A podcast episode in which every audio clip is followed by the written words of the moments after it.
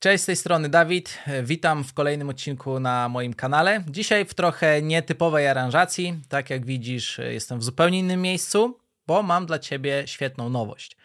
Będzie to seria dotycząca akceleracji biznesu, czyli przyspieszenia wzrostu w Twoim biznesie, zarówno w modelu B2B, jak i w modelu e-commerce'owym. A razem ze mną jest Miłosz, który jest moim wieloletnim przyjacielem, bardzo dobrym kolegą, jak również przedsiębiorcą, który ma już wiele lat biznesowych bojów za sobą, zarówno w biznesie stacjonarnym, w e-commerce'ach, jak i w biznesie w modelu B2B. I razem będziemy prowadzić właśnie tą serię, w której w takim dłuższym formacie będziemy opowiadać w sposób ekspercki o e, przeróżnych zagadnieniach e-commerce'owych, jak również zagadnieniach w zakresie e, sprzedaży w firmach, które działają w modelu B2B. E, Miłosz będzie osobą, która będzie razem ze mną ten format prowadziła. Także Miłosz, witam Cię bardzo serdecznie i dziękuję, że przyjąłeś moje zaproszenie. Całość zaczęła się w ogóle tak, że miałem pomysł na nową serię, której jeszcze za bardzo na YouTubie moim zdaniem nie ma.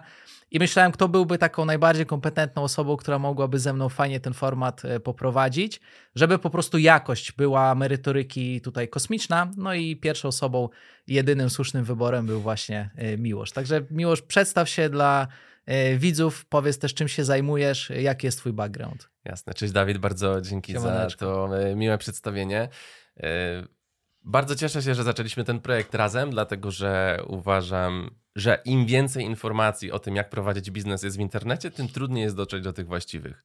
E, I tak jak e, powiedziałeś, znamy się długo, ja obserwuję również Twoje działania. Uważam, że jest jeszcze tyle sensownych i niewypowiedzianych przez Ciebie informacji, że moim celem akurat bycia tutaj jest to, żeby to z Ciebie wyciągnąć, a od siebie też dodać kilka mm, wartościowych wstawek. Ja zajmuję się na co dzień prowadzeniem swojej firmy. E, jest to e-commerce oraz sklepy stacjonarne, jak również e, studio podcastowe, gdzie produkujemy dla firm B2B materiały wideo oraz audio wszelkiego rodzaju. No i też się właśnie znajdujemy u ciebie. Znajdujemy się właśnie w Studio Makers. Y, natomiast rozmawiam bardzo często z różnymi przedsiębiorcami i widzę, jak często powielają się te same problemy rozwiązywane w różny sposób. Mm. Więc myślę, że będziemy każdy z nich jeden po drugim mm. zaczepiać i w taki przystępny, naprawdę sposób prezentować tutaj na tym kanale. E, myślę, że jest kilka pomysłów, w jaki sposób to ubrać w szablony, które będą też fajnie, łatwo strawne. E, bo tak jak mówiłem, tych informacji jest tyle, że tak naprawdę naszym zadaniem jest mm. to, by odpowiednio to rozłożyć. I myślę, że Dzisiaj spotkaliśmy się w grudniu 2023 e, roku, trochę nie bez powodu, bo kończy się rok. Tak, dokładnie. E, to jest też taki czas, kiedy wielu przedsiębiorców zastanawia się, w jaki sposób wygląda ich obecna pozycja na rynku, jak zakończył się ten rok. E, są na etapie podsumowań, robienia planów na przyszły rok. No a ty, Dawid, prowadzisz na co dzień Social Elite. Tak, zgadza się. Gdzie dokładnie. jesteś CEO. Dochodzicie do miliona złotych przychodu miesięcznego, co tak, jest naprawdę solidną liczbą. I chciałbym dowiedzieć się, co na tym etapie ty, jako przedsiębiorca, widzisz w tym roku w swojej firmie, w swoich działaniach. Yy... I powiedz proszę, yy, jak zacząłbyś podsumowanie 2023 roku w Social Elite? Mm, super. Tak, ten, ten odcinek właśnie zaangażujemy w to, aby opowiedzieć Wam, jak w Social Elite i w moim działaniu, w moim życiu biznesowym przeszedł cały rok. Y, jest to już taka powiedzmy tradycja. W zeszłym roku też takie podsumowanie nagrywałem, y, łącznie z celami, które wyznaczyłem sobie na 2023. E, no i tak jak właśnie wspomniałeś, taką cyfrą, która fajnie tutaj opisuje całe działanie, no to jest ta cyfra, dochodzimy do miliona przychodu miesięcznego. W zespole jest około 60 w tym momencie osób. I co jest istotne, że jest to bez budżetów reklamowych, bo często też ktoś podaje przychód typu 30 milionów, ale zapomni dodać, że tam 25 to jest budżet reklamowy klienta na przykład, tak? Więc my zarządzamy budżetami tak średnio rocznie między 20 a 35 milionów. E, myślę, że teraz jest to bliżej 30-35 milionów e, budżet. Gdybym to dodał, no to wiadomo, że te, to by spompowało się mocno, ale nie ma sensu. Ja bym chciał tutaj wtrącić też taką metrykę a propos liczb, że e, i na to też uczulam. Co innego to jest milion netto, co innego to jest milion brutto, a inna sprawa e, że co innego, kiedy czytacie artykuły, gdzie ktoś mówi o dwóch milionach przychodu przy na przykład dwóch milionach stu tysiącach kosztów. Tak, dokładnie. O czym warto pamiętać przy podsumowaniach. Tak, tak. Y, no my, jeżeli chodzi o moje podejście do biznesu, to ja nie jestem za tym, żeby tak prowzrostowo działać i robić sobie długi i, i kredyt y, w banku obrotowy.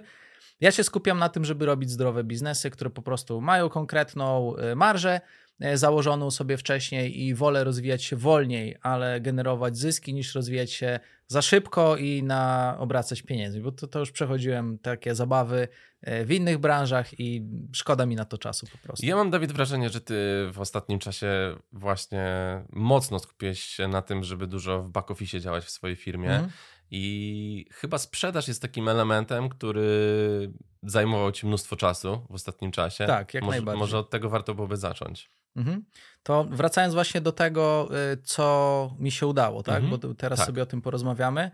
Mm, osoby, które obserwują mój kanał, jak również osoby z list mailingowych czy osoby z y, innych y, mediów społecznościowych, zawsze zastanawiają się, ok, to co fajnego udało się dowieść. Wbrew pozorom nie jest to takie oczywiste, że każdy wie, a sukcesami oczywiście warto się chwalić, więc wśród sukcesów, tak, które mhm. w tym mhm. roku udało się dowieść, to jest przede wszystkim to, że zwiększyliśmy sprzedaż miesiąc do miesiąca e, między 200 a 350% w zależności od miesiąca.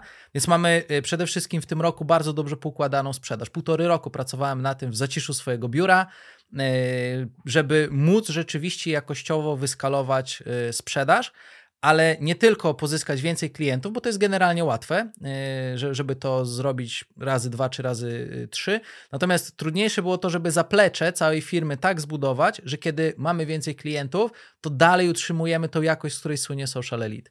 Y, więc niewątpliwie udało się to fajnie zrobić. Zarówno właśnie marketing dowozi, sprzedaż tutaj coraz lepiej też już dowozi E, działania dążymy do jeszcze polepszania tych cyfr, jak i osoby, które realizują później te usługi dla klientów też dowożą, więc mega fajna, fajna rzecz.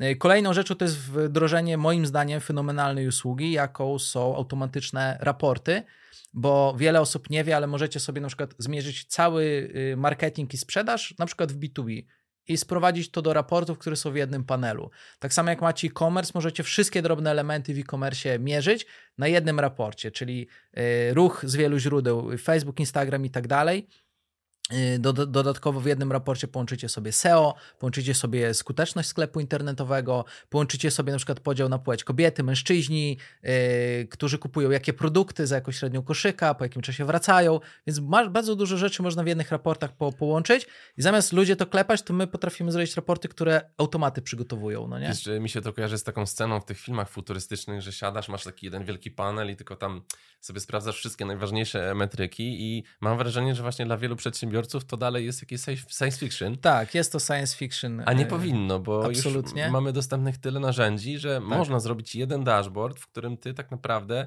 widzisz najważniejsze metryki swojego tak, biznesu. Tak, tak, tak. I ponieważ jest wizualizacja danych, to e, czytanie raportu może zająć 5 minut. Mhm. Zamiast, wiesz, wysyła ci ktoś raport, sprawdzasz, mhm. czytasz godzinę, albo w ogóle nie czytasz, bo nie masz na to czasu.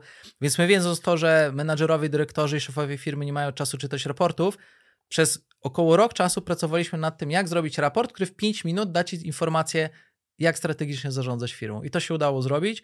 Jesteśmy po fazie beta testów i w tym roku będziemy też szerzej na przykład tę usługę oferowali. Mhm. E, kolejne fajne rzeczy, które udało się zrealizować, to jest na przykład e, stworzenie procesu onboardingu e, w dziale sprzedaży i w dziale HR, więc, więc, więc tutaj bardzo mocno rozwinąłem platformy edukacyjne wewnętrzne, procesy, wdrożyłem CRM-y, tak żeby dać osobę, która się bardzo szybko wdraża. Mhm. Czyli porobiłem bardzo dużo takich automatycznych, przykład samouczków, że ktoś przychodzi i nie trzeba nawet za dużo czasu w tę osobę angażować, bo ona się umie automatem wdrożyć. No bo wiesz, co znowu się mówi o, o zatrudnianiu z, z takich, wiesz, przedsiębiorczych plotek. Um, niektóre są fajne, tak jak e, zatrudnię wolno, zwalnię szybko, mhm. ale też, a bo wiesz, zatrudnianie to kosztuje x miesięcy, wdrażanie zawsze zajmuje 3-6 miesięcy, więcej niż się wydaje słyszymy tak naprawdę wiele powielanych opinii, ale tutaj e, chciałbym od Ciebie usłyszeć e, na pewno wejścia w ten temat i pokazanie, bo e, też już wiem o tym, jak fajnie można rozłożyć ten proces onboardingowy mm. i będzie się to kłóciło wręcz z tymi opiniami, które krążą w, w jakichś takich powszechnych opiniach. Wiesz co, my akurat jesteśmy w Socialit mistrzami w tym, żeby optymalizować koszty. I na przykład jak wdrażanie pierwszych pracowników zajmowało nam nawet 12 miesięcy, później skróciliśmy to do 8, później skróciliśmy to do 6 miesięcy. E, I generalnie jesteśmy w stanie koszt pracownika, wdrożenia, na przykład niech on będzie na początku 40 tysięcy złotych na osobę, to jesteśmy w stanie co roku zmniejszać to e, jakby proces optymalizacji o 50%. Czyli jak po pięciu latach e, rozwijamy proces onboardingu, to jak kiedyś kosztował X, to teraz kosztuje on około 10% tego, co na początku. Więc jesteśmy tutaj trochę jak fabryka Tesli, że zaczynamy to tak optymalizować mocno, że w zasadzie dochodzimy do sytuacji, w której te koszty są tak marginalne, mhm. że jesteśmy w stanie dużo lepiej kształcić e, kadrę i więcej inwestować w ludzi, mhm. lepiej ich rozwijać niż wszyscy inni w innych firmach, bo po prostu mamy to lepiej wy wykonane. Więc to jest absolutnie ogromny sukces. No i oczywiście w konsekwencji zbudowanie y, tych wszystkich elementów prowadzi do tego, że w ciągu pięciu miesięcy y, 20 osób do firmy spokojnie przyjęliśmy, gdzie mieliśmy taki miesiąc, że doszło w jednym miesiącu z 12 albo 13 osób.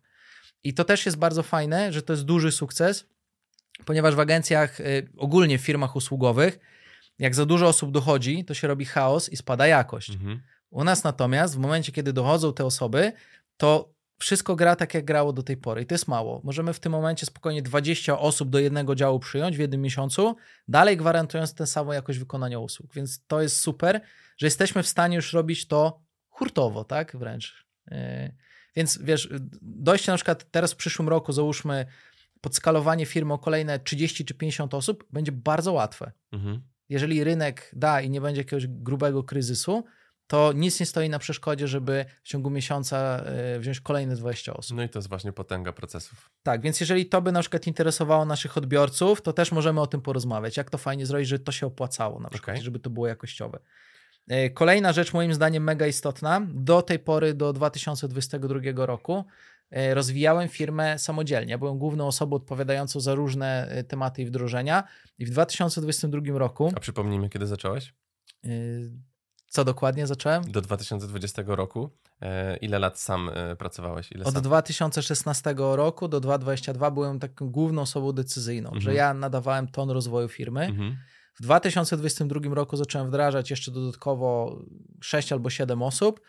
E, zostało obecnie 5 osób, które się fajnie sprawdziły.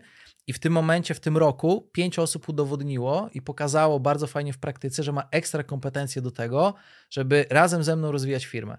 Co powoduje, że ja byłem w stanie sam z trzy projekty pociągnąć, teraz możemy tych projektów pociągnąć na raz 15. Mhm. Więc w przyszłym roku y, dużym sukcesem to jest, bo będziemy rozwijać dużo więcej projektów innowacyjnych. Ja myślę, że to jest y, jedno z marzeń chyba każdego przedsiębiorcy. Tak, tak, tak. To jest mega game changer. Zajmuje to sporo czasu, żeby to wdrożyć, ale giga sukces. Temat nie? na pewno do omówienia.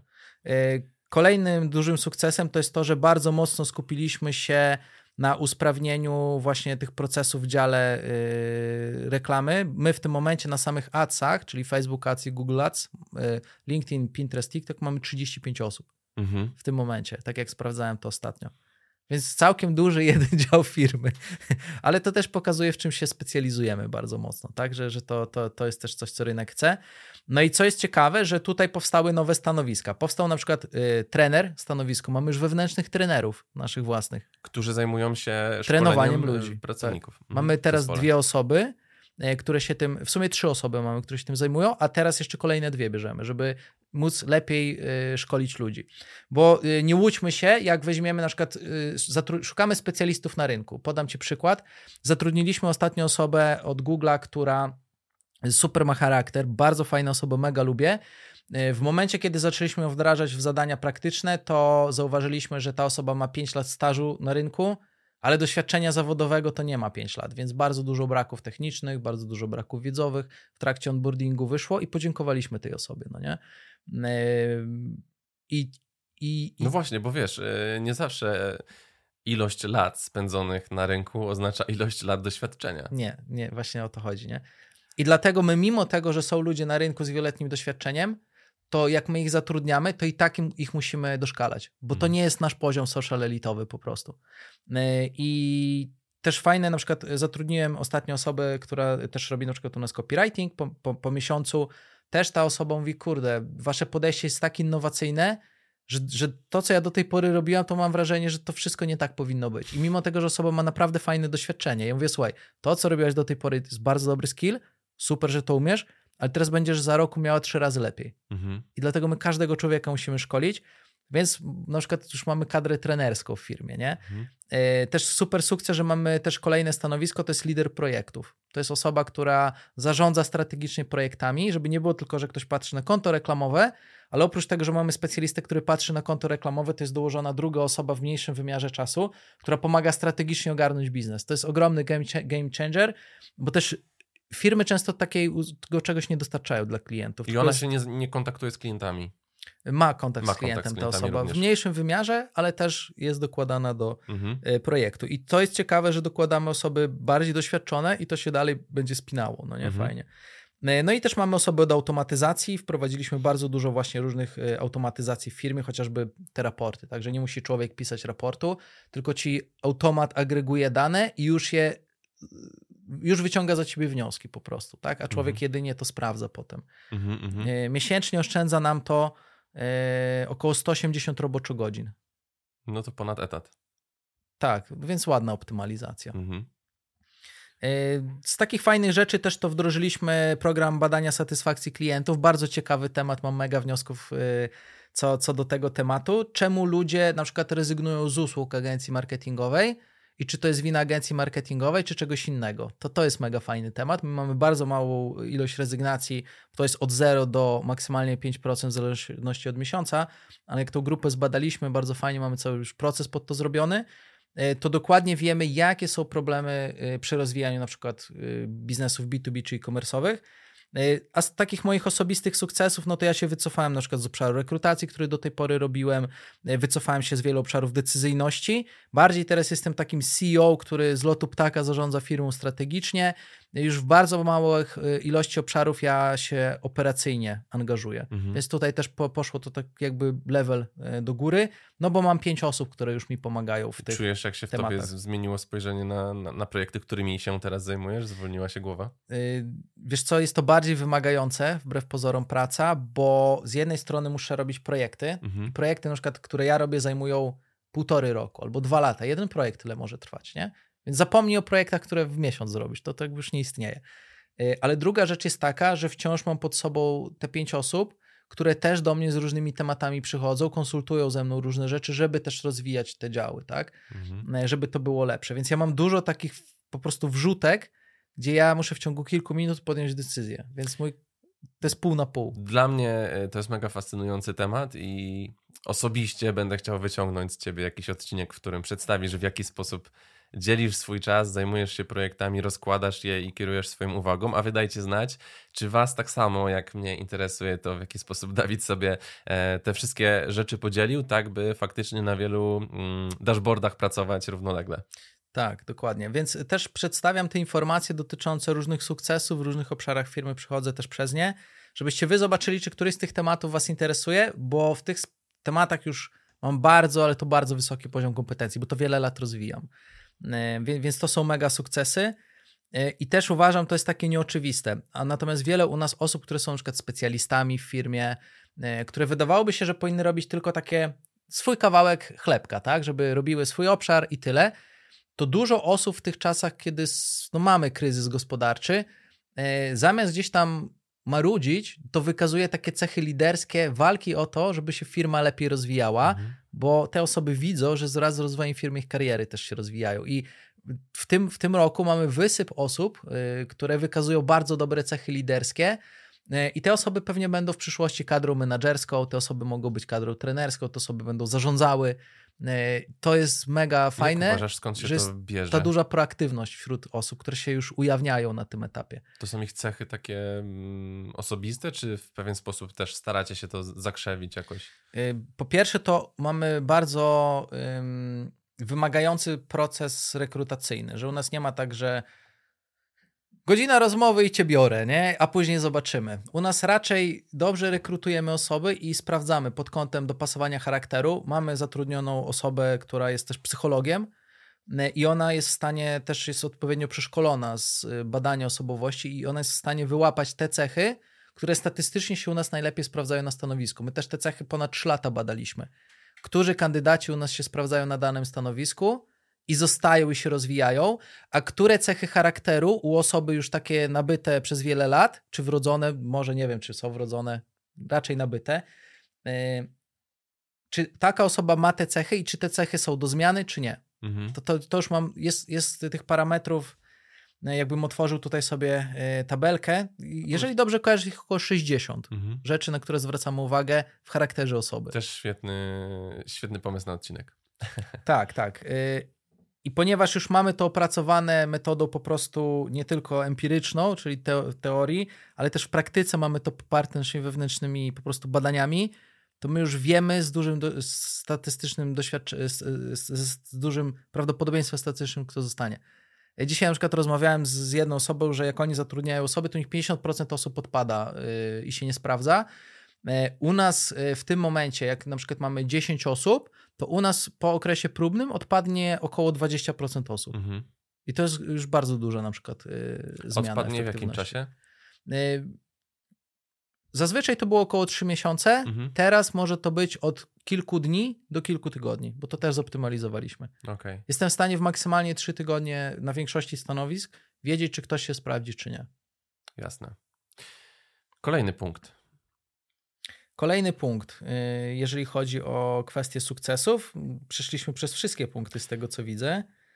Hmm. Powiedz mi, bo y, myślę, że każdy z tych punktów moglibyśmy sobie teraz troszeczkę y, omówić, ale no. jakbyś mógł jeszcze wtrącić kilka rzeczy, które y, są bardziej lekcjami y, i się może nie do końca udały w tym roku?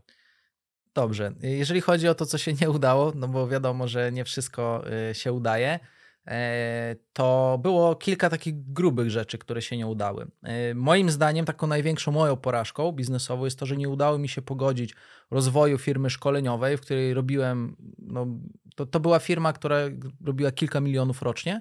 E, jedna, jeżeli chodzi o szkolenia z zakresu social mediów czy Facebooka, to tutaj topką byliśmy w Polsce.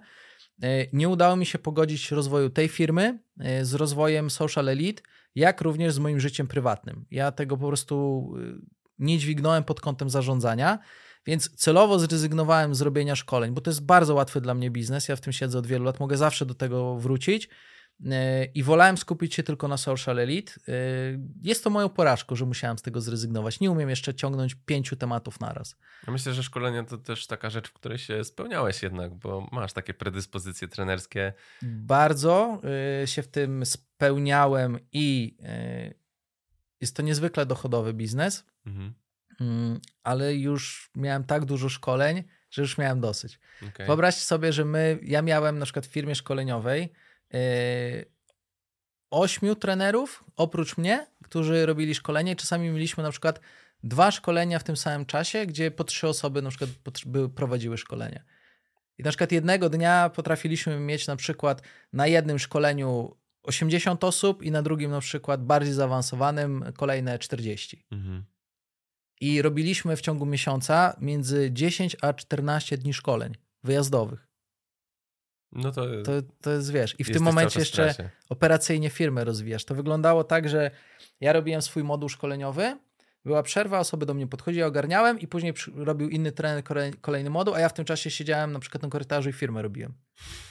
A jak ta osoba skończyła, to ona wychodziła i w tym czasie robiła kolejne rzeczy, nie? Mhm. I, i tak, takie było tempo, taka była etyka pracy. I to jest ciężko znieść na dłuższą metę.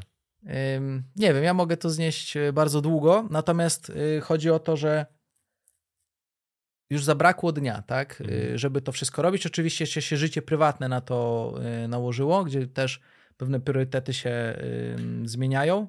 No też wiele osób Chociażby mówi... w podcaście rozmawialiśmy o boreliozie, nie? Tak.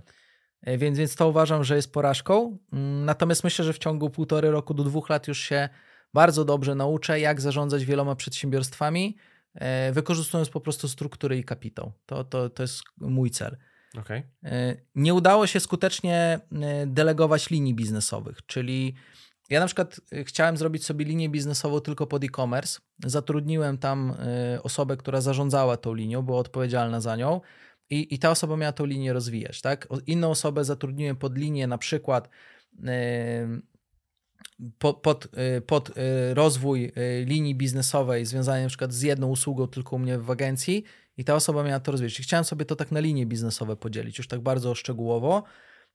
I problem polegał na tym, że zatrudniłem ludzi, którzy mieli od 10 do 15 lat doświadczenia, którzy też mieli doświadczenie w tych tematach i oni wykonywali zadania i niby wydawało się, że jest to dobrze, ale to nie działało. Mhm. Po prostu. I w momencie, w momencie, jak zacząłem diagnozować to między 6 a 8 miesięcy, te osoby rozwijały te linie, w to pchałem pieniądze, y, to jak zacząłem później diagnozować szczegóły, to po prostu zabrakło skilla, tak? I wydawało się, że te osoby mają doświadczenie i myślę, że te osoby się świetnie sprawdzą w innych firmach, y, w innych segmentach, na przykład może korporacyjnym. Natomiast jeżeli chodzi o ten rynek, o ten segment działań, które my robimy, to ja bym to zrobił dużo lepiej sam. I mhm. mówię, kurde, jak ja mam to robić lepiej od innych i siedzieć ich poprawiać i nie jestem zadowolony z tego, wycinam te projekty. Jasne. Mm, ale mam pomysł, jak, jak, jak do tego wrócić. To, że to się nie udało, to nie znaczy, że to, to nie będzie zrobione. Też tutaj ten temat e-commerce'owy się pojawi. E, a propos. Tak, tak, tak. E, teraz tak, co, co jest kolejną rzeczą numer trzy?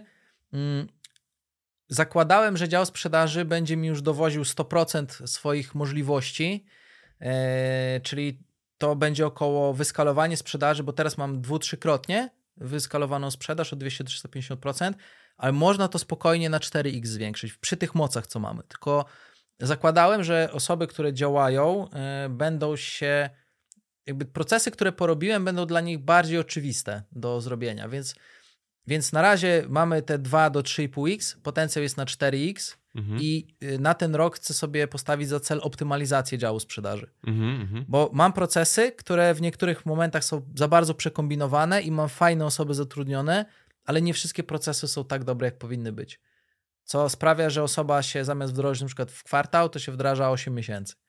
A chcę, żeby się maksymalnie w kwartał ktoś wdrażał i był już E, w pełni operacyjny na 100%, żeby fajnie działał. Więc, więc zakładałem, że to pójdzie szybciej. No to jest taka... A to jeszcze rok trzeba dołożyć pracy do tego. Pytanie, czy wiesz, czy takie rzeczy rozpatrywać w, w kategoriach porażki, czy bardziej mm, niezadowolenia z czasami no, wywin wywindowanej wysoko poprzeczki mm. i własnych oczekiwań? Jest to porażka, dlatego że mm, nawet jeżeli będzie jedna firma konkurencyjna na rynku, która zrobi to szybciej, to przegrałeś po prostu. Okay.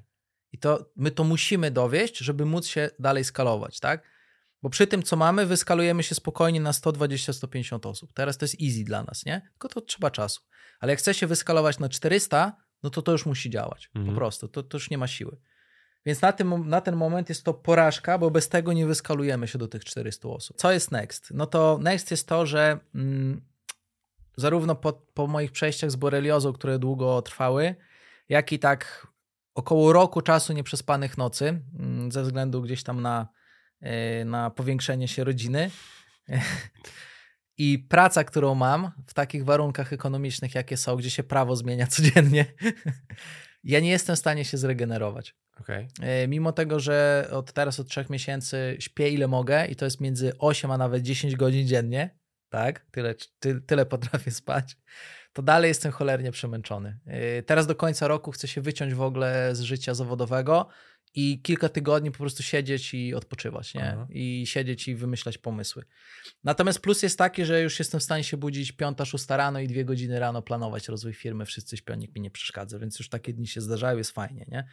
Mm, więc, więc yy, dlaczego o tym mówię?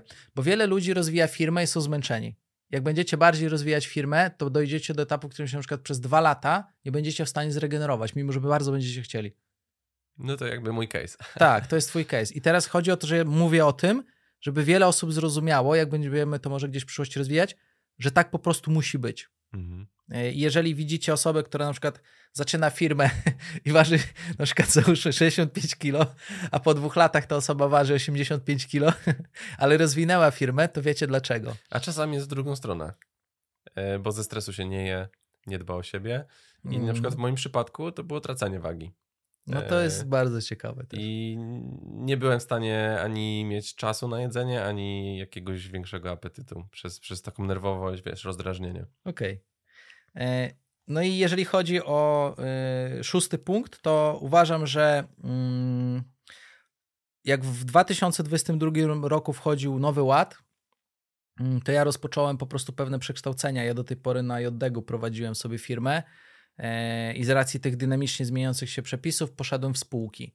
Mm, po dwóch latach, już teraz powiedzmy ten drugi rok się domyka, moje, mój wniosek po dwóch latach. Straciłem dużo czasu, dużo pieniędzy na zrobieniu tego wszystkiego. Mhm. E, koszty wzrosły tam księgowości, innych rzeczy, powzrastały, więcej obowiązków jest zdecydowanie, chociażby przy spółce akcyjnej.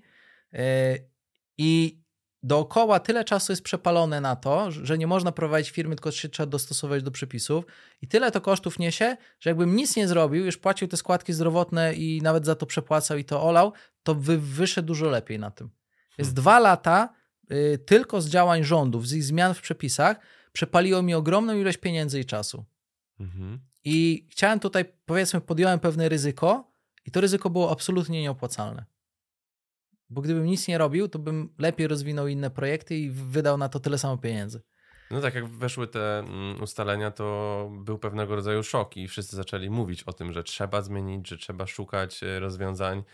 E, I faktycznie chyba mało się mówi o tym, jaki był koszt utracony i ile czasu oraz nerwów na to trzeba było poświęcić. Tak, nie byliśmy też świadomi tego, jak mocno się uwarunkowania zmienią chociażby na rynku, tak? Mhm. Y, na ile kryzys będzie poważny i tak dalej. Było dużo niewiadomych, mhm. więc nie dało się podjąć rzeczywiście dobrej decyzji, tylko można było spekulować. To jest tak, jak mamy teraz Bitcoina, pójdzie w górę czy w dół. No nie wiadomo, tak?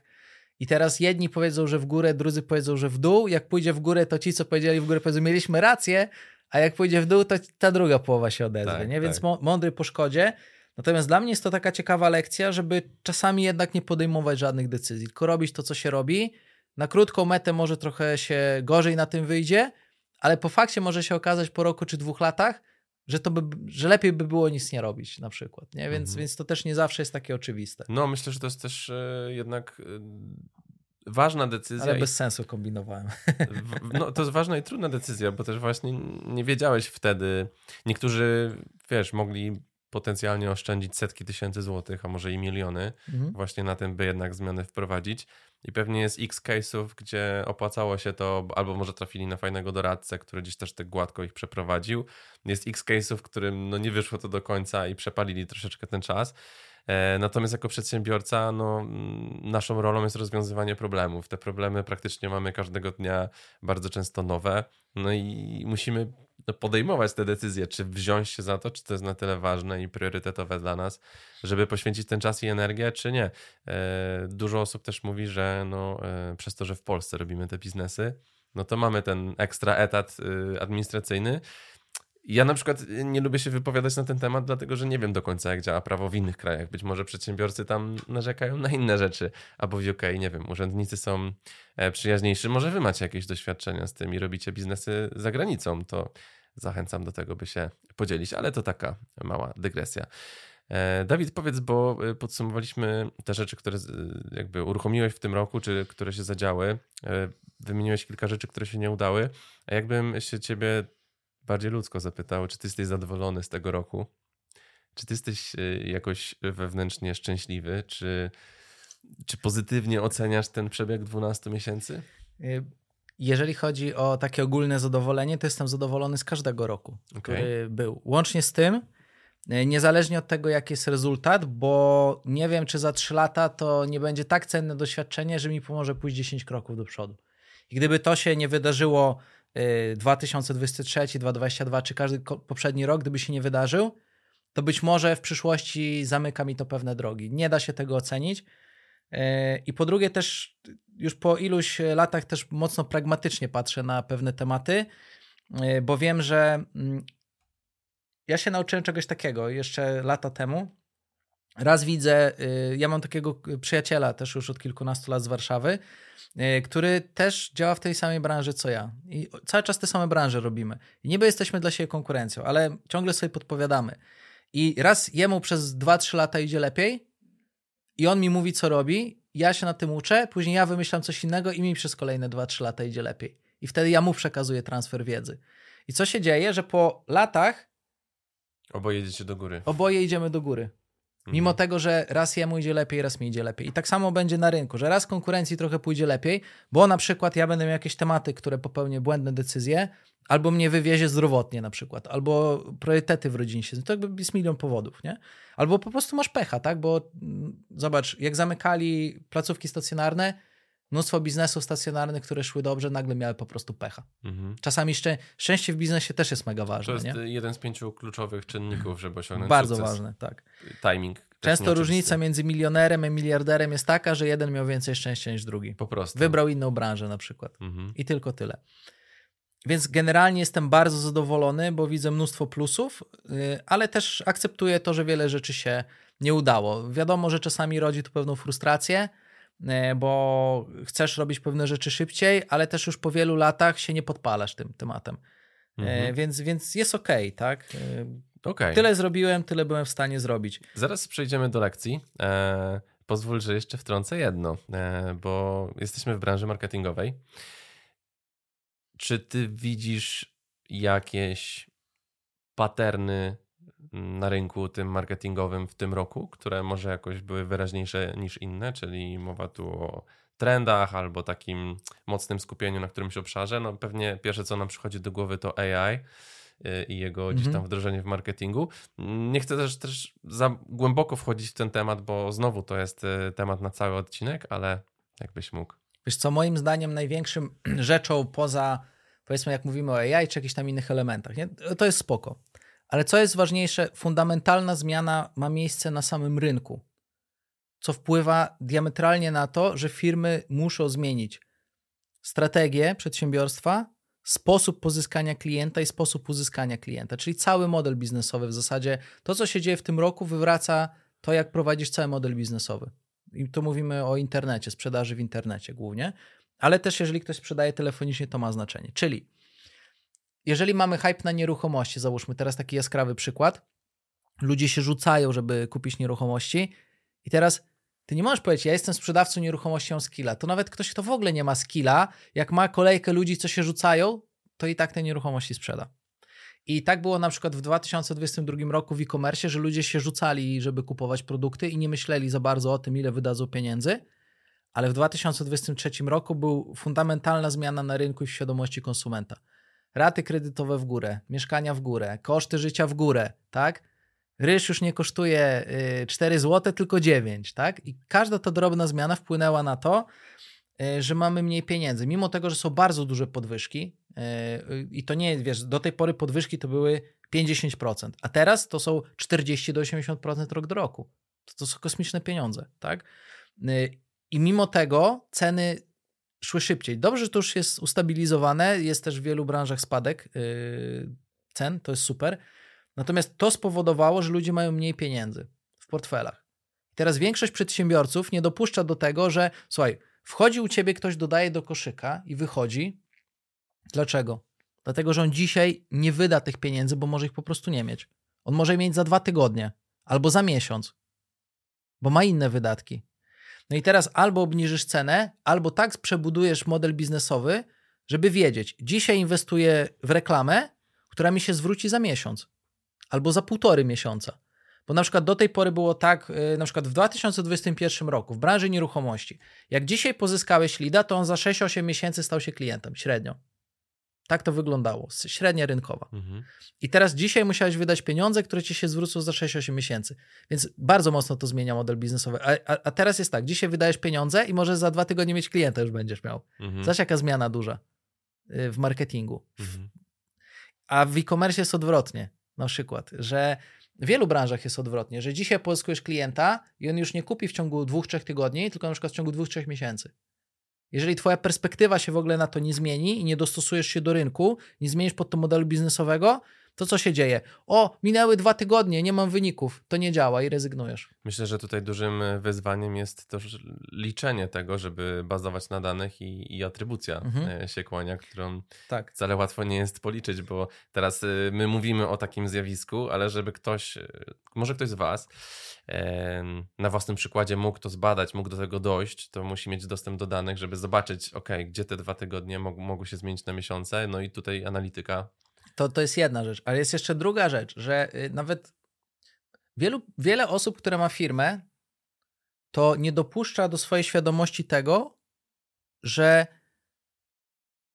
ich produkty nie będą tak chętnie kupowane ze względu na to, że się zmienił paradygmat na rynku. Że się ludzie zmienili kupujący. Tylko te osoby wierzą dalej w to, na przykład, że te produkty są tak cudowne, że ludzie się powinni po nich rzucać i to na pewno nie działa SEO. Za wolne efekty, na pewno źle działają. Albo to nie działa reklama na TikToku, na pewno źle tą reklamę robią. Albo te wpisy na fanpage, one są na pewno źle robione. To, to nie jest kwestia tego, że, że mamy kryzys na rynku i ludzie nie mają pieniędzy. To na pewno nie jest to.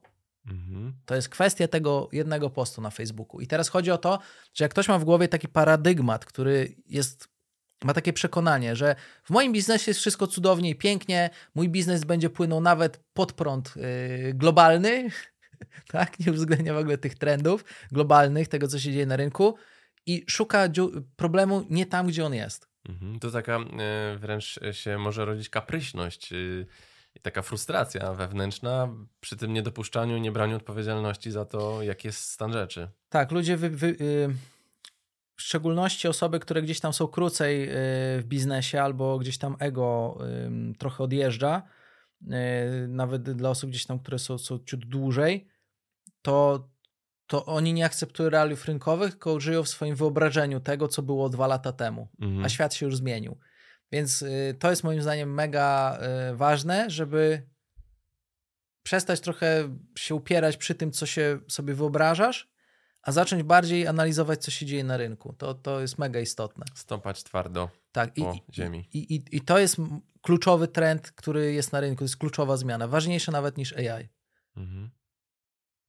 Dobra. E, myślę, że to jest mega wartościowe, chętnie bym do tego wrócił, ale jedna rzecz, która myślę, że jest ważna po tym, co wymieniłeś do tej pory, to jest to, czego nauczyłeś się e, idąc przez te punkty.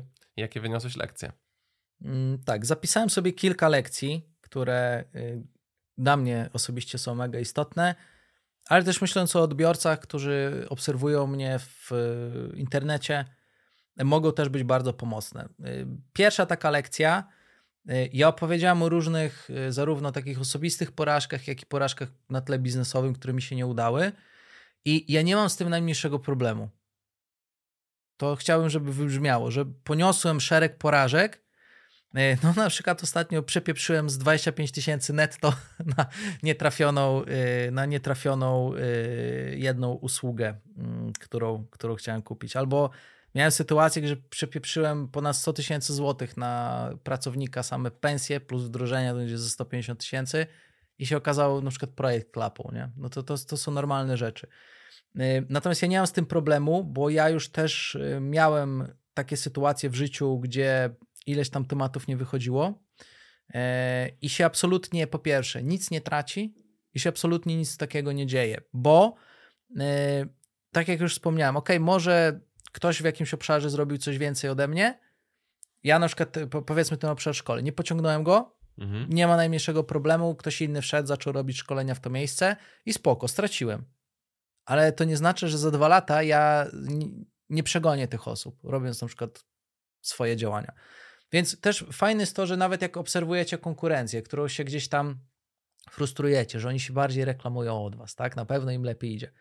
Spokojnie, Róbcie swoje, pracujcie na swoich fundamentach, bo może się okazać, że to, co wy dzisiaj robicie, wam pięć razy zaprocentuje w kolejne dwa lata mocniej, niż to, że dzisiaj konkurencja jest trochę wyżej, ale za chwilę im coś pójdzie nie tak i spadną, tak? Jakoś mi się mega kojarzy, mm, bo ja lubię wizualnie myśleć o biznesie e, między innymi, to z taką grą, jak e, ścigasz się na takim torze, że zostawiasz sobie przeszkody, masz przyspieszenia. Tak. Jak to się nazywa? Jest taka popularna gra. Nie, Chyba jakiś Crash, tam e, Crash coś, Bandicoot albo jakiś Mario samochodzik. Coś taki. w tym stylu. I, no. I masz tor, masz, wybierasz sobie swoją postać, swój samochodzik i tam rzucasz tym bananem, zostawiasz bombę albo najeżdżasz na strzałeczkę i no troszeczkę tak to wygląda, że fajnie chyba jest myśleć o tym biznesie y, jako trwającym cały czas wyścigu. To nie jest tak, że to się kończy w 6 miesięcy i już wszyscy są na mecie, tylko raz cię ktoś wyprzedzi, potem ty na tą strzałeczkę najedziesz, pojedziesz szybciej i, i tak troszeczkę sobie to wyobrażam. Tak, bo też jeżeli zdiagnozujesz, dlaczego ktoś na przykład się szybciej rozwija, to dlatego, że on na przykład może przepalać więcej pieniędzy, a ty tego nie masz w strategii uwzględnione, że ja na przykład wolę coś zrobić wolniej, ale lepiej, niż zrobić szybko i dziadowsko, tylko po to, żeby się spompować, nie? Mhm. E, bo załóżmy często biznes, który nawet robi, załóżmy 30 e, milionów przychodu, może mniej zarabiać niż biznes, który robi 6 milionów przychodu. Ale 30 milionów obrotu fajnie brzmi. Tak, lepiej brzmi, ale to. Jasne. My, myślę, że ciężko jest takie firmy spieniężyć, więc tu mi się nie podniecą. Y, co, numer dwa, nie? Tak jest. Mm. Numer dwa to jest to, że jeżeli mamy klientów, y, czy przedsiębiorców, czy dyrektorów, którzy już mają dobre doświadczenie, szeroki zasób wiedzy z zakresu marketingu, sprzedaży i strategii biznesowej, y, to te osoby zupełnie inaczej współpracują, zupełnie inaczej rozumieją rolę na przykład specjalisty z agencji marketingowej, niż osoba, która dopiero zaczyna, która dopiero startuje lub która jeszcze nie jest tak obyta na rynku. I co mam dokładnie na myśli? Yy, my na przykład bardzo dużą uwagę w Social przykładamy do tego, żeby tłumaczyć na przykład naszym klientom, co jest rolą specjalisty, a co nie jest rolą specjalisty. Czyli na przykład rolą specjalisty z zakresu y, kampanii na TikToku jest pozyskanie z grup docelowych ruchu na przykład na Twoją stronę internetową we wskazane miejsce i zrobienie remarketingu, żeby te, te osoby pracować nad ich świadomością, żeby powracały i na przykład polubiły firmę, wyedukować ich z zakresu produktu lub usługi. Ale celem takiego specjalisty nie jest odpowiedzialność za inne obszary biznesu, czyli nie jest odpowiedzialnością, żeby ci cały biznes przeanalizować i ci podpowiadać, jak ty masz tą firmę rozwijać.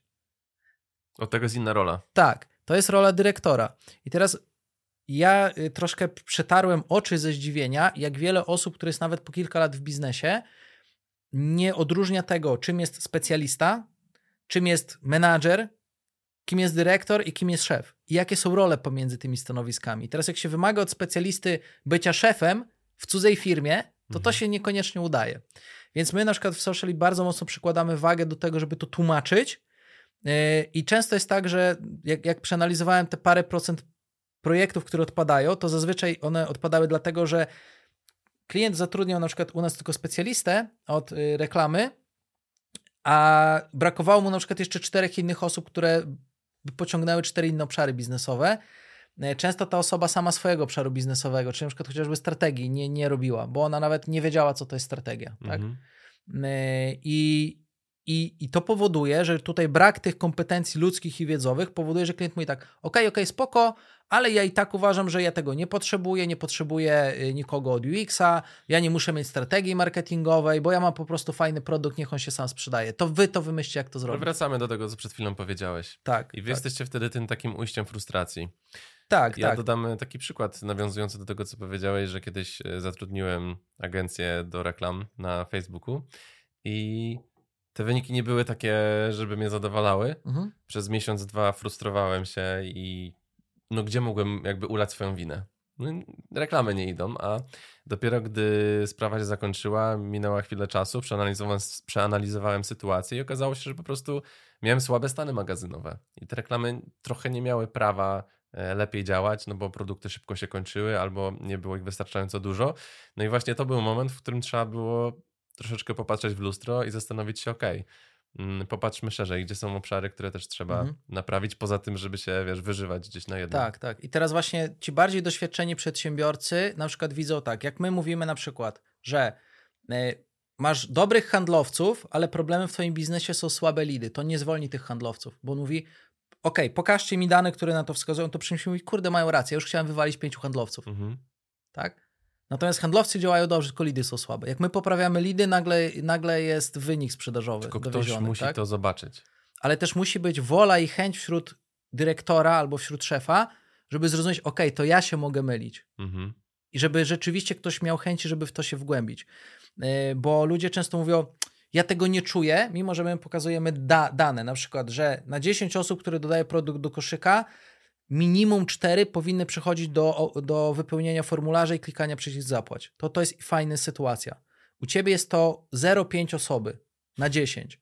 Więc masz potencjał wzrostu 8 razy w sprzedaży. Musisz poprawić koszyk. No i taki test UX-owy to tam pewnie z 2-3 tysiące kosztuje, żeby to zrobić i poprawić. Ktoś mówi, nie, ja czuję, że to jest kwestia w innym obszarze. Więc, więc dlatego, dlaczego ty mówię? Bo widzę, że jest ogromny właśnie problem w zrozumieniu tych różnych obszarów biznesu i zarządzania i jeżeli ktoś rzeczywiście chce fajnie rozwijać sklep internetowy albo właśnie powiedzmy rozwijać y, firmę w modelu B2B, to ważne jest, żeby nie zwalniać dobrych ludzi, bo później ich ciężko znaleźć i za, za, warto zaangażować czas w to, żeby bardzo dobrze zdiagnozować problem na cyfrach, a nie kierować się tym, co czuje albo nie czuje.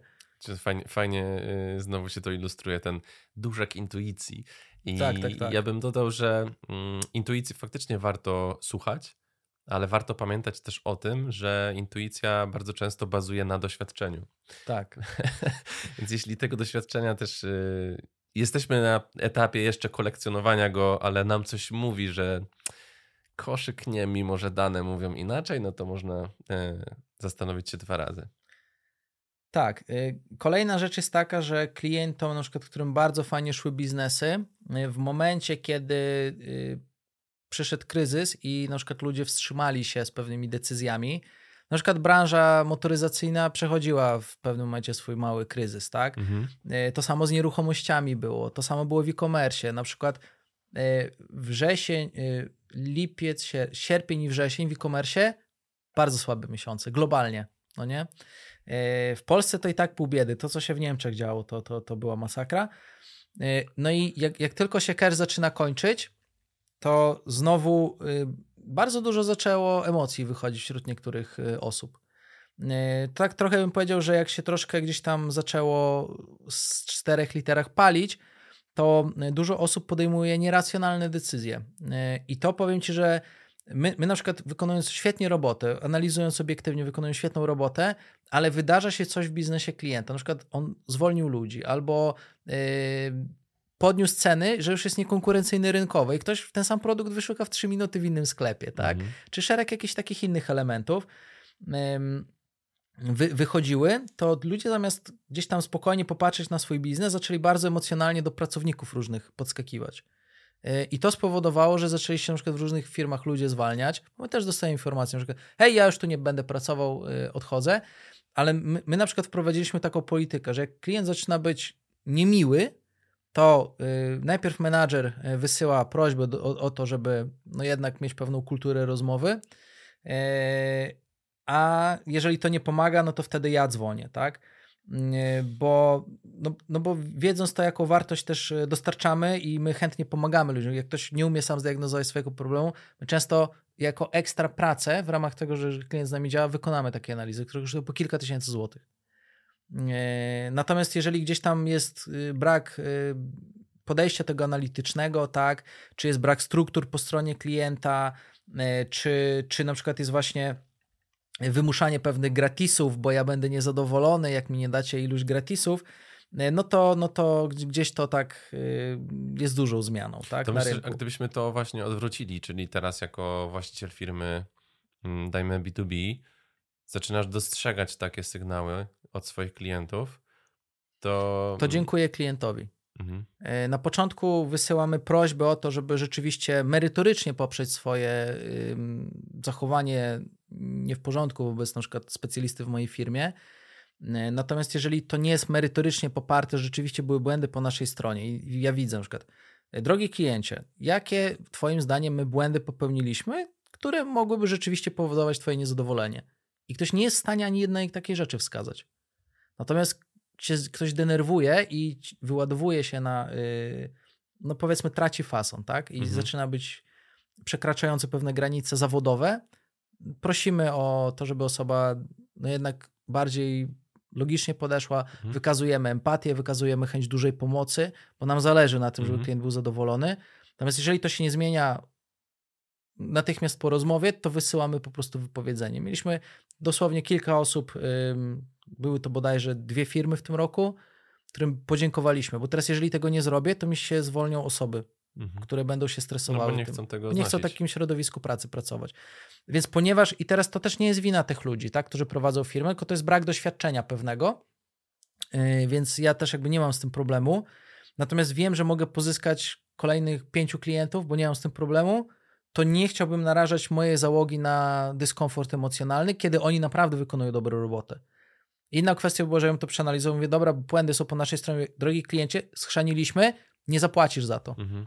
Ja tak? myślę, że warto to, to tutaj sobie kwestia. zrobić rachunek sumienia e, w swojej firmie, zastanowić się, czy czasami sami nie wykazujemy takich zachowań, jak robi się trochę trudniej. Tak, i teraz do czego zmierzam? E, zmierzam do tego, że jeżeli ma się fajnie zrobione systemy marketingowe, to zaczynasz też patrzeć na to, że dobrze skwalifikowany klient, z którym pracujemy i świadomość tego, z kim nie pracujemy i kiedy komu dziękujemy albo komu nie pomożemy, jest kluczowym elementem do rozwoju firmy na dalszych etapach. I na przykład my, ja, ja dokładnie wiem, jakie mamy takie czerwone lampki yy, w momencie, kiedy sprzedajemy projekt, po to, żeby ten projekt poszedł do yy, realizacji i żeby klient był zadowolony, żebyśmy mieli wysoką skuteczność i żeby pracownicy byli zadowoleni, którzy działają z nami, nie? E, jedną z takich lampek, o których mogę powiedzieć, jak, jak ktoś na przykład mówi, że on musi mieć szybko efekt, jak on musi mieć na wczoraj podpisaną umowę, e, i bardzo tak wywiera presję na sprzedawcę, że on musi szybko mieć to zrobione, po czym dostaje umowę i na przykład przez tydzień nie jest w stanie tego podpisać, to jak my widzimy takiego klienta, mówimy, że go stopujemy od razu, nie? Mhm. E, albo na przykład ktoś mówi, że on musi mieć po miesiącu efekty, a chce mieć efekty, jakie są na przykład po, po, po roku, tak? E, więc na przykład to, co zaczęliśmy robić, to cofać briefy. Klient nam wysyła brief, on jest źle wypełniony, mówię, kliencie, nie rozpoczniemy prac, wypełnij to tak, jak należy, ewentualnie możemy ci pomóc w ramach konsultacji, żeby to ogarnąć. Podam ci przykład przykład w briefie, nie?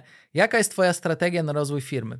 W pierwszym miesiącu 20 tysięcy netto sprzedaży, w drugim miesiącu 100 tysięcy netto sprzedaży, a po pół roku 500 tysięcy miesięcznie sprzedaży. Kropka. Koniec strategii. No, ja sobie takiej strategii życzę. Od zera zaczyna, nie osoba. I to jest czerwona lampka, tak? Y, więc, więc my w tym momencie właśnie bardziej zaczynamy też poszukiwać y, firm, które są chętne do tego, żeby możesz zaczynać od zera, nie ma problemu, ale musisz być chętny do tego, żeby pracować w swojej własnej firmie. I jak my ci powiemy, drogi kliencie, ty chcesz miesiąc, to nie zajmie miesiąc, my ci możemy to dostarczyć po roku. Mhm. I jeżeli te strony są świadome działania, to działamy, nie? E, I, i, I to jest moim zdaniem duża lekcja, że lepiej y, nie brać pewnych projektów, powiedzieć, przepraszam, ja ci nie pomogę, E, bo to jest nierealne do zrealizowania na Twoim etapie. Możemy zmienić cele, bardziej realne zrobić, albo po prostu poszukaj kogoś innego. Tak? Żeby potem z tymi niezadowolonymi oczekiwaniami się mierzyć. Tak, bo pa pamiętaj, że potem taki klient na przykład zostaje krótko, mhm. a jak lepiej sobie wyselekcjonujesz też klientów, to oni zostają dłużej. My mamy bardzo dużo projektów, które zaczynaliśmy od zera, żeby to też nie zabrzmiało, że my tylko poważne firmy robimy. Nie. My mamy segment małych i średnich firm, w tym się specjalizujemy. Więc jest dużo projektów, które mają 0 złotych i do nas przychodzą. Mhm. Natomiast to są firmy, które się nastawiają na to, żeby się rzeczywiście e, rozwijać w sposób logicznie uzasadniony, żeby w ten racjonalny. Inwestować. Tak, a nie na zasadzie założyłem sklep internetowy i chcę po pół roku mieć pół miliona przychodu. Tak? To, to, to, to jest mało realne. E, więc, więc to są tego typu e, przemyślenia, jeżeli chodzi o współpracę. Jakie mhm. lepiej dowozić, e, co tam nie gra i, i, i co poprawiać. Tak? Mhm. Mm, kolejny ciekawy obszar to moim zdaniem są pracownicy, czy zarządzanie strukturami, budowanie struktur. I tutaj też mogę kilka fajnych Dawaj. przemyśleń powiedzieć. Bardzo dużo się mówi o motywowaniu osób do pracy, o tym, żeby wręcz tak otoczyć ich taką rodzicielską opieką, ich w takim tym bąbelku Kokon. bezpieczeństwa prowadzić pomalutku w najbardziej komfortowych dla nich warunkach, tak? A jeżeli jest problem, to obskakujesz go większą opieką i więcej mu czasu angażujesz. E, ja odszedłem od tego w, w 2022 roku, a 2023 mnie jeszcze w to uzmysłowił, że jeżeli od początku od pierwszego dnia okresu próbnego masz osobę, która dowozi, to taka osoba się sprawdzi przez długi czas. Jeżeli masz osobę, która od pierwszych dni się nie sprawdza, yy, przez pierwsze 2-4 tygodnie nie robi zadań tak, jak być powinno, to tak długo, jak masz procesy dobrze przygotowane, to już tej, ta osoba po prostu się na długą metę na pewno nie sprawdzi. Yy, I my nie mamy żadnych programów naprawczych. Nie mamy żadnych programów takich, że ok, nie dowozisz, ale my ci będziemy pomagać. U nas jest w ten sposób, że albo dowozisz od początku i my ci pomożemy być jeszcze lepszym, ale jeżeli od początku masz problemy, na przykład z motywacją do pracy, z kwestią etyki zawodowej.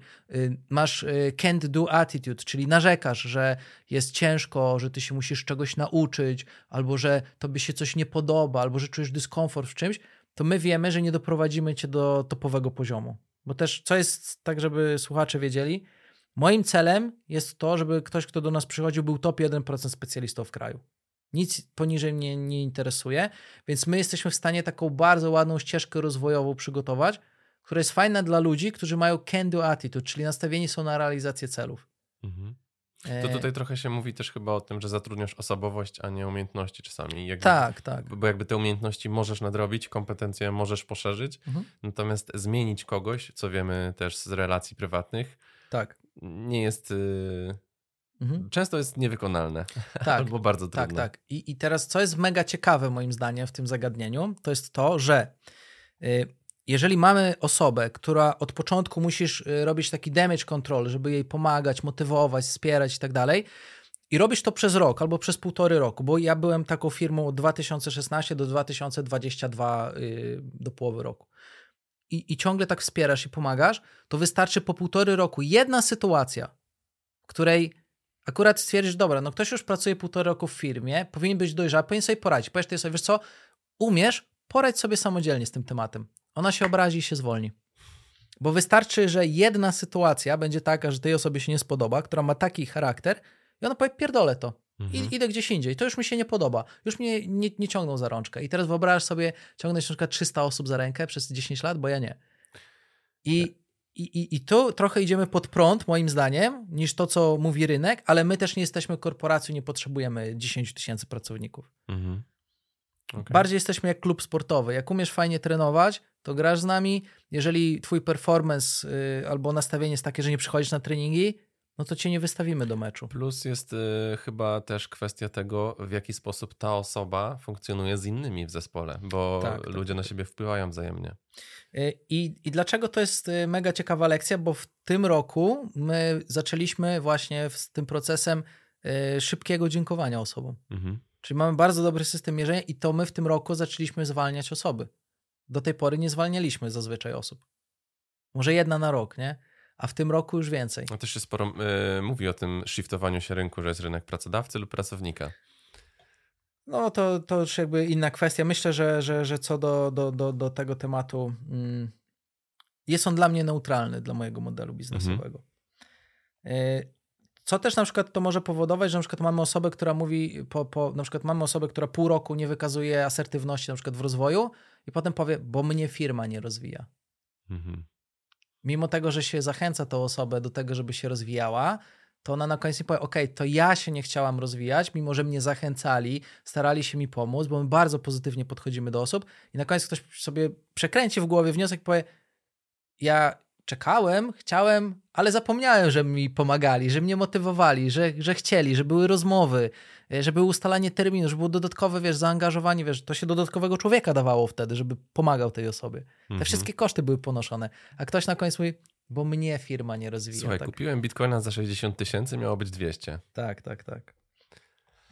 E, więc, więc e, to, to są tego typu rzeczy i bardziej na sportowo podchodzimy do, do kwestii relacji z ludźmi traktujemy osoby jak, jak klub piłkarski, który chcemy rozwijać. I to musi być ta proaktywna postawa.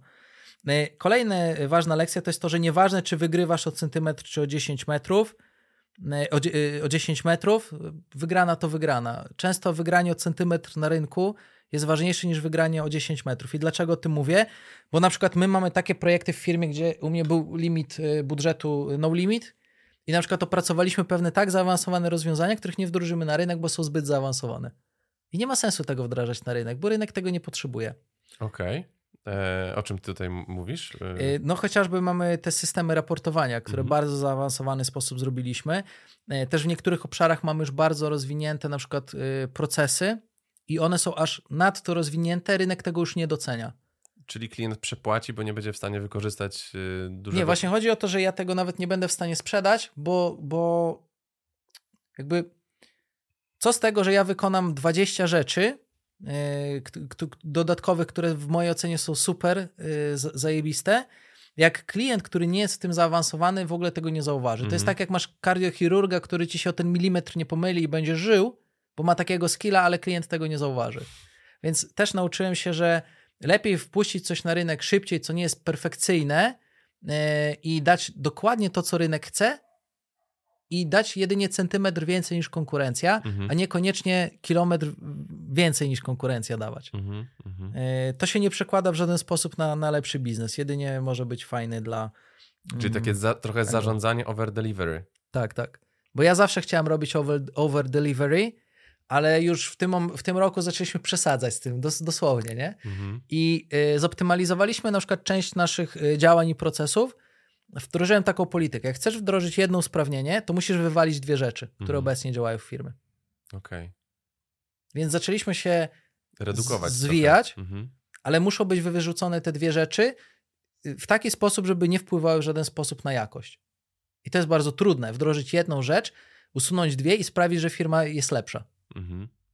Myślę, że też y, taki problem mi się tutaj nasuwa, że klient nie zawsze mm, doceni to, co jest tym over delivery, albo doceni coś, co dla niego y, wydaje się być ważne, ale na przykład z Twojej perspektywy biznesowo jest mało istotne, ale fajnie wygląda. Mhm. I, I trochę musisz jako przedsiębiorca chyba wyważyć, że tak. część rzeczy musisz dowodzić, które klienci doceniają, bo po prostu fajnie wyglądają, zachowując te, które są biznesowo kluczowe, tak, a nie zawsze. Tak, zdecydowanie. Y, I zacząłem jeszcze mocniejszy nacisk kłaść na to, żeby spotkania były krótkie. Mhm. E, a bardzo też unikam spotkań, gdzie jest na przykład pięć osób i one sobie gadają, cześć, co tam słychać, co tam u ciebie i tak dalej. Tylko się spotykamy i mówimy, dobra, słuchajcie, mamy ten temat do mówienia, 15 minut, go. Mhm. E, bo im sprawniej będziemy realizować spotkania, im sprawniej będziemy realizować projekty, tym po prostu będziemy lepsi od konkurencji. Więc taką pracujemy nad tym, żeby była taka pozytywna dyscyplina zawodowa. E, I tutaj na przykład bardzo mocno na spotkaniach zaczęliśmy kłaść e, aspekt na to, żeby były jak najbardziej zwięzłe, jak najbardziej mięsiste, bez zbędnego tratatata. No nie? Mm -hmm. I zauważam, że to może być w firmach usługowych, to może tworzyć przewagę konkurencyjną i nadawać rentowność modelom biznesowym. Bo tych roboczo godzin się po prostu robi więcej. Tak, tak, tak. Więc to, ta, ten element, jak ktoś dobrze ogra, to jest game changer dla firm usługowych. Mhm. Super. Eee... I to tyle. Ciekawe y, wnioski i, i, i refleksje. E, to w takim razie już tak idąc chronologicznie, myślę, że warto byłoby porozmawiać o tym, co, co będzie e, poza tym, co było, czyli co planujesz. Mm, tutaj mam sześć punktów, mhm. E, jeżeli chodzi o plany, to przechodząc przez nie. Pierwsze to jest wyskalowanie usług. Chcę dojść do tych 4x mocy sprzedażowych Natomiast chciałbym, żeby w tym roku firma się rozwinęła między 30 a 50% i to jest maks. Czyli chciałbym mhm. dojść tak do powiedzmy 1,3, 1,5 miliona miesiąc do miesiąca. E, my jesteśmy w stanie dużo szybciej się rozwijać, ale żebym się rozwinął, muszę najpierw zbudować kadrę menedżerską i dyrektorską. I to jest mój cel na przyszły rok. Jak to zrobię, to potem już możemy bardzo szybko skalować się dalej. Mm -hmm.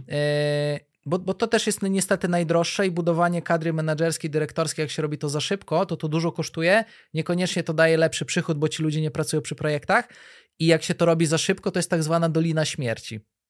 Że jeżeli to się zrobi za szybko, to ci się cały model biznesowy, finansowy rozwala, bo po prostu tracisz pieniądze na tym, jeżeli to mhm. zrobisz za szybko. Bardzo ciekawy E, moment w e, rozwoju firmy, e, jedna właśnie z tak zwanych dolin śmierci, gdzie się można wywalić. To byłoby super do poruszenia na pewno i rozwinięcia. Tak, i w związku z tym ja będę miał więcej czasu w tym roku, więc punkt numer dwa, będę rozwijał nowe linie biznesowe. Chcę rozwinąć linię biznesową doradczą i linię biznesową związaną z analityką właśnie firmy. Jesteśmy już po beta testach, mamy już opracowane usługi, Beta testy zawsze około roku czasu robimy na naszych klientach, żeby mieć super usługę, e, więc w tym e, kierunku się będziemy rozwijać. Będzie nowa marka powstawała. E, wrócę do linii szkoleniowej, czyli to, co zostawiłem, będę chciał wznowić ale wejdę w segment też e, szkoleń dla B2B, czyli pozyskanie leadów, sprzedaż, e, szkolenie dla menadżerów i dyrektorów sprzedaży i marketingu, bo mam w tym ponad 10 lat doświadczenia, mam setki projektów zrobionych, mam ponad milion pozyskanych leadów doświadczenia, e, więc mega wiem, jak to się robi, a to jest fajny segment. No i też będzie segment pewien niespodzianka, o którym teraz nie będę mówił, ale myślę, że bardzo się spodoba rynkowi marketingowemu. Numer cztery to jest E, stworzenie struktur rekrutacji HR-u do tego, żeby rzeczywiście pozyskiwać ekstra talenty z rynku. Do tej, jak ja sobie podsumowałem w tym roku, to na 200 zgłoszeń, które do nas ludzie wysyłają, y, zgadnij, ile osób dostaje pracę u nas na 200 CV wysłanych. Yy, 1%? To by były dwie osoby. Razy wtedy. to. Czyli dwie osoby na 200. No to... to jest jeden, nie, 2% mówię. Cztery osoby na 200 CV, tak? No tak strzelam, mogę się mylić. Mhm. To jest dokładnie 1%, mhm. 1% osób, nie? Mhm. Mm, czyli dwie osoby na 200 zgłoszeń dostaje u nas pracę. Okay. E, to cały rok wstecz zrobiłem e, analizę. I dlaczego? Dlatego, że my rzeczywiście wyłuskujemy bardzo dobrych ludzi z rynku. I teraz ja mogę nawet przez trzy miesiące mieć otwartą rekrutację i nikogo nie zatrudniać, dopóki nie znajdę rzeczywiście takiej osoby, która mi najfajniej odpowiada i charakterem, i kompetencjami, i predyspozycjami. I dzięki temu my, no, my mamy stosunkowo niską rotację, patrząc na to, co się ogólnie na rynku dzieje. Nie? Mm, więc, więc to jest mega fajne. A w uogólnieniu ile kroków jest y, w takiej rekrutacji? Y, od 3 do 5, w zależności od, od procesu. Ale chcę to teraz jeszcze na wyższy poziom znieść, żeby miał strukturę, która mi rekrutuje całe zespoły do rozwijania nowych linii produktowych albo nowych biznesów. Więc chciałbym mieć po prostu taki zespół ludzi, którzy są mi w stanie całą firmę od zera zrekrutować, na przykład i ludzie, żeby to pociągnęli, nie? Więc, więc taki jest zamysł, więc y, myślę, że fajny temat. Y, oddaję więcej decyzyjności w social elite, czyli rozwój marketingu, rozwój usług, rozwój kadr, rozwój działów, rozwój sprzedaży, rozwój procesów. To będą przejmowały osoby u mnie Łukasz, Daniel, Marcin, Bartek i Pawlo. Mhm.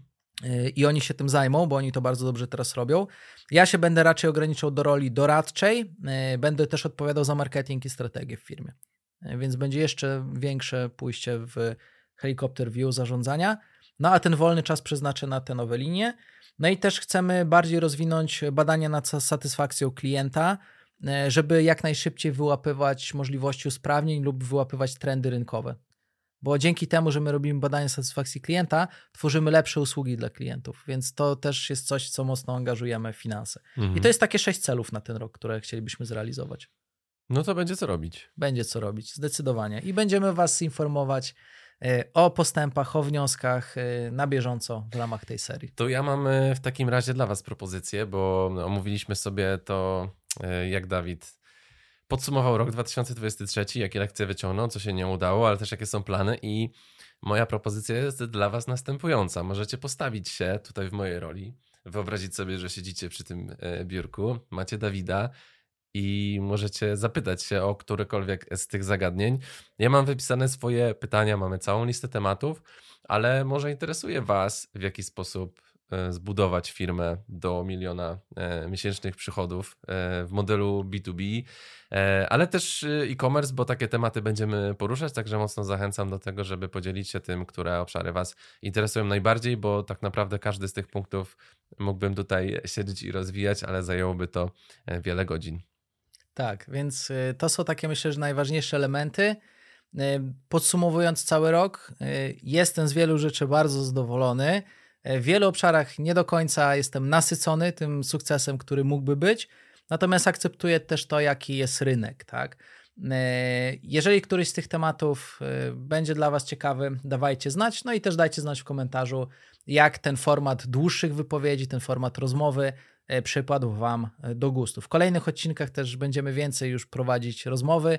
E, tutaj bardziej celem było podsumowanie tego wszystkiego. Ja tylko zanęcę. To będą takie rzeczy jak zacząć od podstaw budować marketing i sprzedaż, jak mierzyć działania marketingowe, jak podejść w ogóle do tematu analityki, bo naprawdę jest tam tyle ciekawych metryk i wskazówek w badaniu konwersji i wielu, wielu innych, że mm, mocno można tutaj w temat się zagłębić.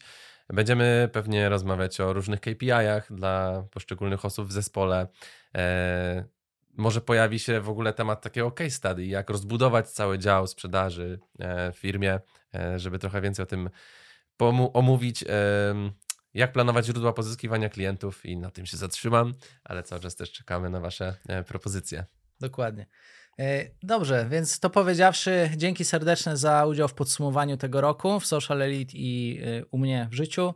E, dzięki za obecność i Dziękuję również. będziemy słyszeli się w kolejnym odcinku. Do zobaczenia i do usłyszenia. Na razie.